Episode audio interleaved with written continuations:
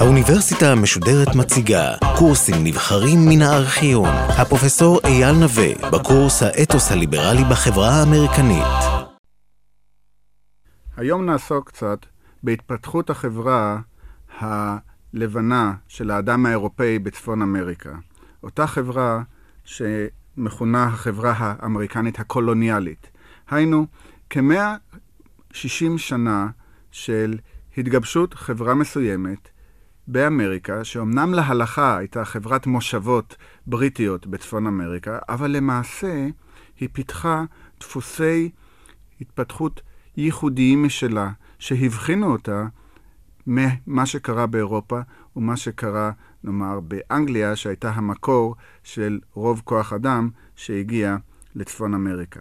זוהי התקופה הקולוניאלית, שאפשר אה, קצת להשוות אותה, נאמר, לתקופת היישוב שלנו בארץ ישראל. כלומר, לפני שקמה ארצות הברית, יש 150 שנה של יישוב, כן? של חברה שמתפתחת לפי דפוסים מסוימים, עוד לפני שהיא קיבלה את העצמאות הפוליטית שלה והפכה להיות מדינה ריבונית.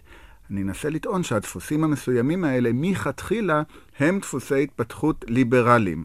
שוב, לא בגלל שאימצו את האתוס הליברלי, לא בגלל שקראו את זה בכתבים, כמה אנשים קראו אבל לרוב לא, אלא בגלל שיש איזה שהן נסיבות, איזה שהם תנאים מסוימים שגרמו לכך שהרעיונות האירופאים האלה לגבי האתוס הליברלי מומשו או הפכו להיות אורח חיים אצל חלק ניכר מהמתיישבים החדשים בצפון אמריקה, בעיקר כמובן אצל האנשים הלבנים שהצליחו להגיע לאיזשהו חלק ונחלה, לאיזשהו רכוש בתהליך הזה של התיישבות בעולם החדש. היה היסטוריון אחד שטען שקפיטליזם הגיע עם האונייה הראשונה. אני לא בטוח עד כמה הדברים האלה נכונים, אבל בפירוש קפיטליזם התפתח מיד שירדו מהאונייה הראשונה. משום שהכוונה של ממשלת אנגליה והכוונה של המתיישבים הראשונים לא הייתה לפתח קפיטליזם, ולא הייתה לפתח אה, משטר, נאמר, ליברלי, אלא הכוונה הייתה ליצור מערכת אירופאית עם משטר כלכלי די כופה, די סגור, שנקרא מרקנטיליסטי, עם איזושהי מערכת חברתית היררכית, שבה יש אנשים ששולטים ויש בה איכרים שמאבדים את האדמה, די דומה למה שהם ראו באירופה. הבעיה שזה לא התפתח ככה. הבעיה שזה התפתח ההפך ממה שהתכוונו הגורמים המיישבים. ותהליך השינוי הזה הוא המעניין. קרו כמה דברים בתוך הנסיבות ההיסטוריות של ההתפתחות בצפון אמריקה, שמנעו מלכתחילה את יישום הכוונה. כי הכוונה הייתה ליצור חברה פאודלית, משהו, כן? חברה מדורגת, חברה שנשלטת על ידי אצילים שירדו מנכסיהם באנגליה, לכן עברו לעולם החדש, ומעובדת, וחברה שמי שמאבד אותה, חברה חקלאית, שמי שמאבד את הקרקע, זה אותם אלפי איכרים שהגיעו לפת לחם באנגליה, ופשוט החברה המיישבת מימנה את הנסיעה שלהם, מתוך התחייבות שהם כך קושרים את עצמם לקרקע, הופכים להיות מה שנקרא משרתי חוזה, יושבים ומאבדים את הקרקע במשך שבע שנים או אפילו יותר, וכך הופכים לאותו גורם יציב שהוא כוח העבודה, כשמעליהם נמצאים האצילים, שכפי שהיה באירופה, הם נהנים במידה זו או אחרת מכוח העבודה, וגם נותנים למעבדי הקרקע איזושהי הגנה מסוימת. אבל זה לא הלך ככה. זה לא הלך ככה ממספר סיבות. אותם משרתי חוזה שהגיעו, מהר מאוד נעלמו, מהר מאוד עזבו. אה, אנחנו יודעים שיש לנו הרבה מאוד עדויות לכל מיני אנשים שקיבלו נחלות, והם כל הזמן כותבים הביתה שאין להם אנשים, שכוח העבודה שלהם בורח, שמבקשים עוד כוח עבודה, ואנגליה שולחת, אבל נראה שזה מעין חבית ללא תחתית. השאלה, מה קרה לאותם אנשים? לאן הם הלכו? למה הם נעלמו? אחת הסיבות להיעלמות זה גם תנאים מאוד קשים, בייחוד בדרום. רעב, מגפות, מוות, מלחמות עם אינדיאנים. אבל סיבה כנראה הרבה יותר נפוצה להיעלמות, זה שהאנשים האלה הבינו מהר מאוד שיש פה תנאים אחרים.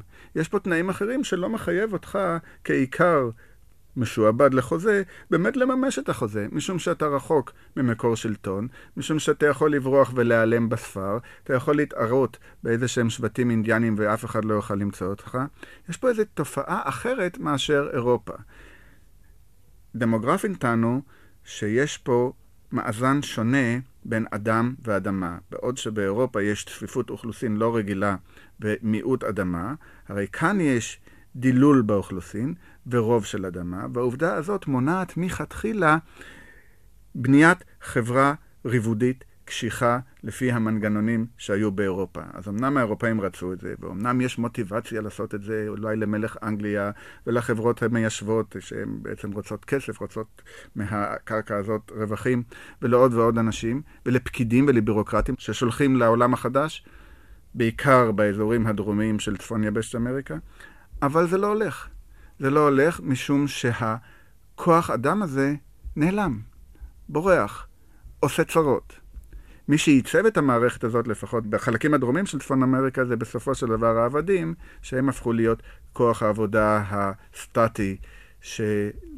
שלא בורח ומש... ומאפשר לפחות לסוג מסוים של יזמות כלכלית להתפתח בצורה כפי שהיזמים אכן תכננו. אבל האנשים שבאו ממוצא אנגלי או ממוצא אירופאי אחר, נעלמו. נעלמו, ולאן הם נעלמו? הם נעלמו לספר. קיומו של ספר בלתי מוגדר, קיומו של ספר נייד כזה, מונע מכתחילה את התפיסה הקשוחה, הריבודית של חברה אירופאית שצריך להשתיל אותה בעולם החדש. מנסים להשתיל אותה בעולם החדש, אבל היא לא מושתלת, ויוצרת חברה אחרת לחלוטין. חברה שאפשר להגיד שהיא קשורה לאתוס הליברלי שדיברנו עליו בפעם הקודמת. חברה שבה הרבה אנשים, יש להם חלקות אדמה קטנות, הם מנותקים ממרכזי שלטון, הם מאבדים את הקרקע שלהם וחיים מעיבוד הקרקע, אחר כך מתחיל איזשהו סחר חליפין בין חלקה אחת לחלקה שנייה. כל הניסיונות של מערכת בירוקרטית, שלטונית, לעשות סדר, עולים בתוהו, כי תמיד אפשר לעזוב לברך חלקת קרקע ביער ולברוח מערבה ולהתחיל הכל מחדש. כלומר, יש פה איזשהו אתוס אינדיבידואליסטי שהוא תוצר הנסיבות. זה לא שדיברו על אינדיבידואליזם כערך, בוא, בוא נגשים את זה, אלא הנסיבות. עודף הקרקע, הריחוק ממרכזי שלטון, הוא אפשר לאינדיבידואליזם הזה להתפתח. והוא הפך את אותם עיקרים חסרי קול, או עניי לונדון, שמעולם לא חלמו שיהיה להם איזשהו רכוש, לבעלי רכוש, קטן אמנם, אבל לבעלי רכוש, בעלי קרקע קטנה באזור של צפון אמריקה.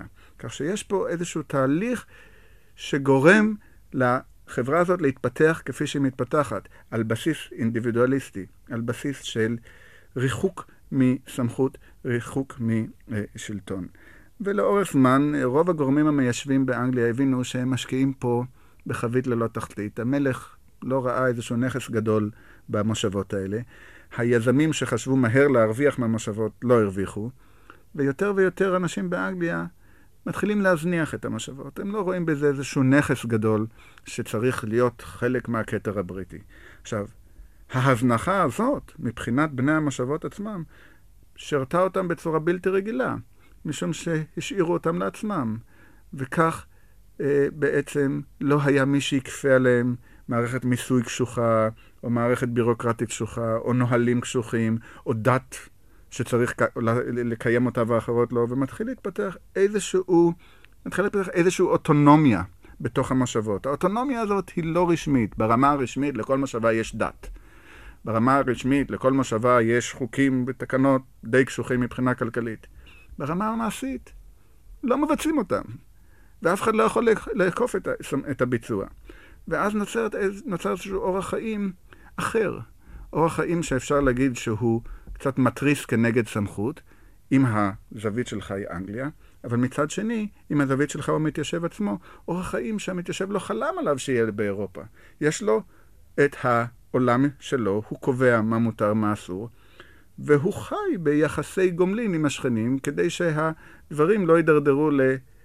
לאלימות אה, אה, גורפת. ואכן הם לא הידרדרו לאלימות גורפת. ומתוך ניסיונות להגן על עצמם מול אינדיאנים, או להגן על עצמם מול איזה תביעות אלה אחרות, נוצרים דפוסי שלטון שלא הייתי קורא להם עדיין דפוסי שלטון דמוקרטיים, אבל יש פה איזה דפוסי שלטון רפובליקניים, ייצוגיים, בוחרים אנשים לאספות עממיות, לאספות של עיירה, לאספות של אה, אזור מסוים, שהם ינהלו לבד את העניינים שלהם. כמובן שלכל הדבר יש מעטה רשמי, וכל הדבר כפוף למדיניות הקולוניאלית הבריטית, אבל בריטניה עוד לא פיתחה אפילו מערכות בירוקרטיות קולוניאליות שיגרמו לכך שהם יוכלו לסדר את מה שקורה באימפריה. עדיין אין גם מוטיבציה לעשות את זה, ושתהיה מוטיבציה, מה שקורה בצפון אמריקה הוא בעדיפות אחרונה. יש uh, מקומות שנראים לבריטים הרבה יותר uh, נוצצים והרבה יותר בעלי פוטנציאל לניצול מאשר צפון אמריקה. וההזנחה המבורכת הזאת, מתוך נקודת מבט של המתיישבים, היא נמשכה מספר רב של שנים, וכבר קמו דור שני ודור שלישי של אנשים שגדלו בעברה כזאת של הזנחה מבורכת, והדבר פיתח את התפיסה האינדיבידואליסטית שלהם, את תפיסת התחרות הכלכלית שלהם, את המצב הנזיל הזה מבחינה חברתית שאפיין את המושבות האמריקניות. וזה צריך להוסיף גם את הניסיון המעניין בצפון צפון אמריקה, את הניסיון הפוריטני, שגם הוא התחיל מתוך כוונה ליצור חברה קשיחה, חברה תיאוקרטית, חברה שנשלטת על ידי הכהנים, חברה של קהילה קדושה שבה כל אחד מציית לסמכות מעליו, אבל גם זה לא הצליח. חלק מהדברים, חלק מאי הצלחות זה איזשהו פרדוקס פנימי בתיאולוגיה הפוריטנית. אבל גם לולי הם היו פוריטנים. עצם הרעיון שיש אתגר כלכלי של ספר, של אדמות, מונע, אה, מונע כפייה של שלטון על בסיס תיאוקרטי. אחת התופעות המעניינות ביותר בחברה הפוריטנית זה שאחרי דור אחד שבה החברה הזאת אמורה הייתה להישלט על ידי כהני דת, בעצם המנהיגים של החברה הפוריטנית בצפון אמריקה הם לא כהני דת אחרי דור אחד, אלא הם אנשים שהצליחו. איך הצליחו? הצליחו מבחינה חומרית, מבחינה כלכלית. הם אלה שהצליחו אה, לרכוש קרקע, אה, להפוך להיות סוחרים עשירים, או חוואים עשירים, או אנשים שעסקו בבינוי, והם אלה שהופכים להיות האליטה של המושבות הפוריטניות בצפון אמריקה. כלומר, הבסיס הוא שוב הבסיס המטריאלי, הבסיס החומרי, ולא איזשהו רעיון, אידאה, אידאה רוחנית, תיאולוגית, שהיא קובעת מי, מי עליון ומתחתון. לכן המדרג הזה משתנה לחלוטין. וזה מביא לידי כך שממעוף הציפור אנחנו רואים פה בעצם חברה שונה. חברה שונה ממה שקורה באירופה. אם באירופה מדובר על פירמידה חברתית שמורכבת מאריסטוקרטיה, נאמר ככה, ממלך וחצר בראש הפירמידה, ואחר כך מאצולה, קרקעית, או אחר כך אצולה לא קרקעית, שהיא שולטת בעצם ברוב אה, אמצעי ייצור של אירופה, ואחר כך יש לנו מעמד בינוני קטן מסוים של חוואים, אבל לא הרבה, וכמובן הרבה מאוד עניים ואיכרים שמשרתים את המערכת כולה. הרי בעולם החדש הפירמידה הזאת מצומצמת לידי המעמד הבינוני. אין לנו אריסטוקרטיה. אין לנו אצולה קרקעית של אנשים שבעצם לא מתפרנסים, אלא מתפרנסים מהעבודה של מישהו אחר. אבל אין לנו גם אה, אספסוף, או איכרים חסרי קול, או עירונים חסרי קול, שהם מין כוח עבודה כזה שאין לו אלא את כבליו להפסיד. מה שיש לנו זה איזושהי מערכת שמבחינת הפירמידה האירופאית זה אמצע הפירמידה. הפירמידה האמריקנית, כל הפירמידה האמריקנית היא אמצע הפירמידה האירופאית. ללא שיא וללא בסיס, כן? אבל מבחינת התפיסה האמריקנית, זה המהות של הליברליזם. הרי הליברליזם הוא אתוס של המעמד הבינוני. וצריך להיות מעמד בינוני כדי לפתח אתוס כזה. והנה יש לנו באמריקה, באמריקה שתחת שלטון בריטי, כן? באמריקה של ההלכה היא בריטניה, יש לנו חברה אחרת. יש לנו חברה שבה הפירמידה כולה מרוכזת סביב המעמד הבינוני. והמעמד הבינוני הוא זה שמפתח את האתוס הליברלי יותר מכל מעמד אחר, משום שזה אנשים שעובדים, משום שזה אנשים שפרנסתם, שחייהם תלויים בעבודתם, משום שכך הולך ומתגבש גם, הם נותנים משמעות לחיים שלהם באמצעות ההישגיות החומרית שלהם, וגם הגישה הפוליטית שלהם, שמי שגם השיג מבחינה חומרית, הוא גם ראוי לארגן את חיי הקהילה, היא פועל יוצא של ההתפתחות הזאת שקורית בעולם החדש. וההתפתחות הזאת קורית בעולם החדש לא בגלל שמישהו תכנן את זה, ולא בגלל שאנגליה רצה את זה, אלא למרות מה שאנגליה רצה, ולמרות שהתכנון היה אחר לחלוטין. אבל הנה נוצר פה משהו אחר. הנה נוצר פה כר פעולה אמיתי, נאמר, לבירור האתוס הליברלי. כמובן צריך להגיד שיש פה הסתייגויות בדברים האלה, ואסור להימנע מכך. כן? אה, בדרום של אה, המושבות הבריטיות מתגבשת חברה שבנויה על כוח עבודה עבדותי, שאין להם כל קשר לאתוס הליברלי.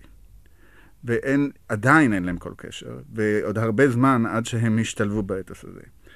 ועבדים הם בפירוש דבר שונה מהתפיסה הליברלית, אבל דפוסי הגזענות שאפיינו את כל העולם באותה תקופה, הנציחו או אפשרו לסוג כזה של משטר להתפתח, מבלי שזה עורר איזה שהן תהיות לגבי האליטה.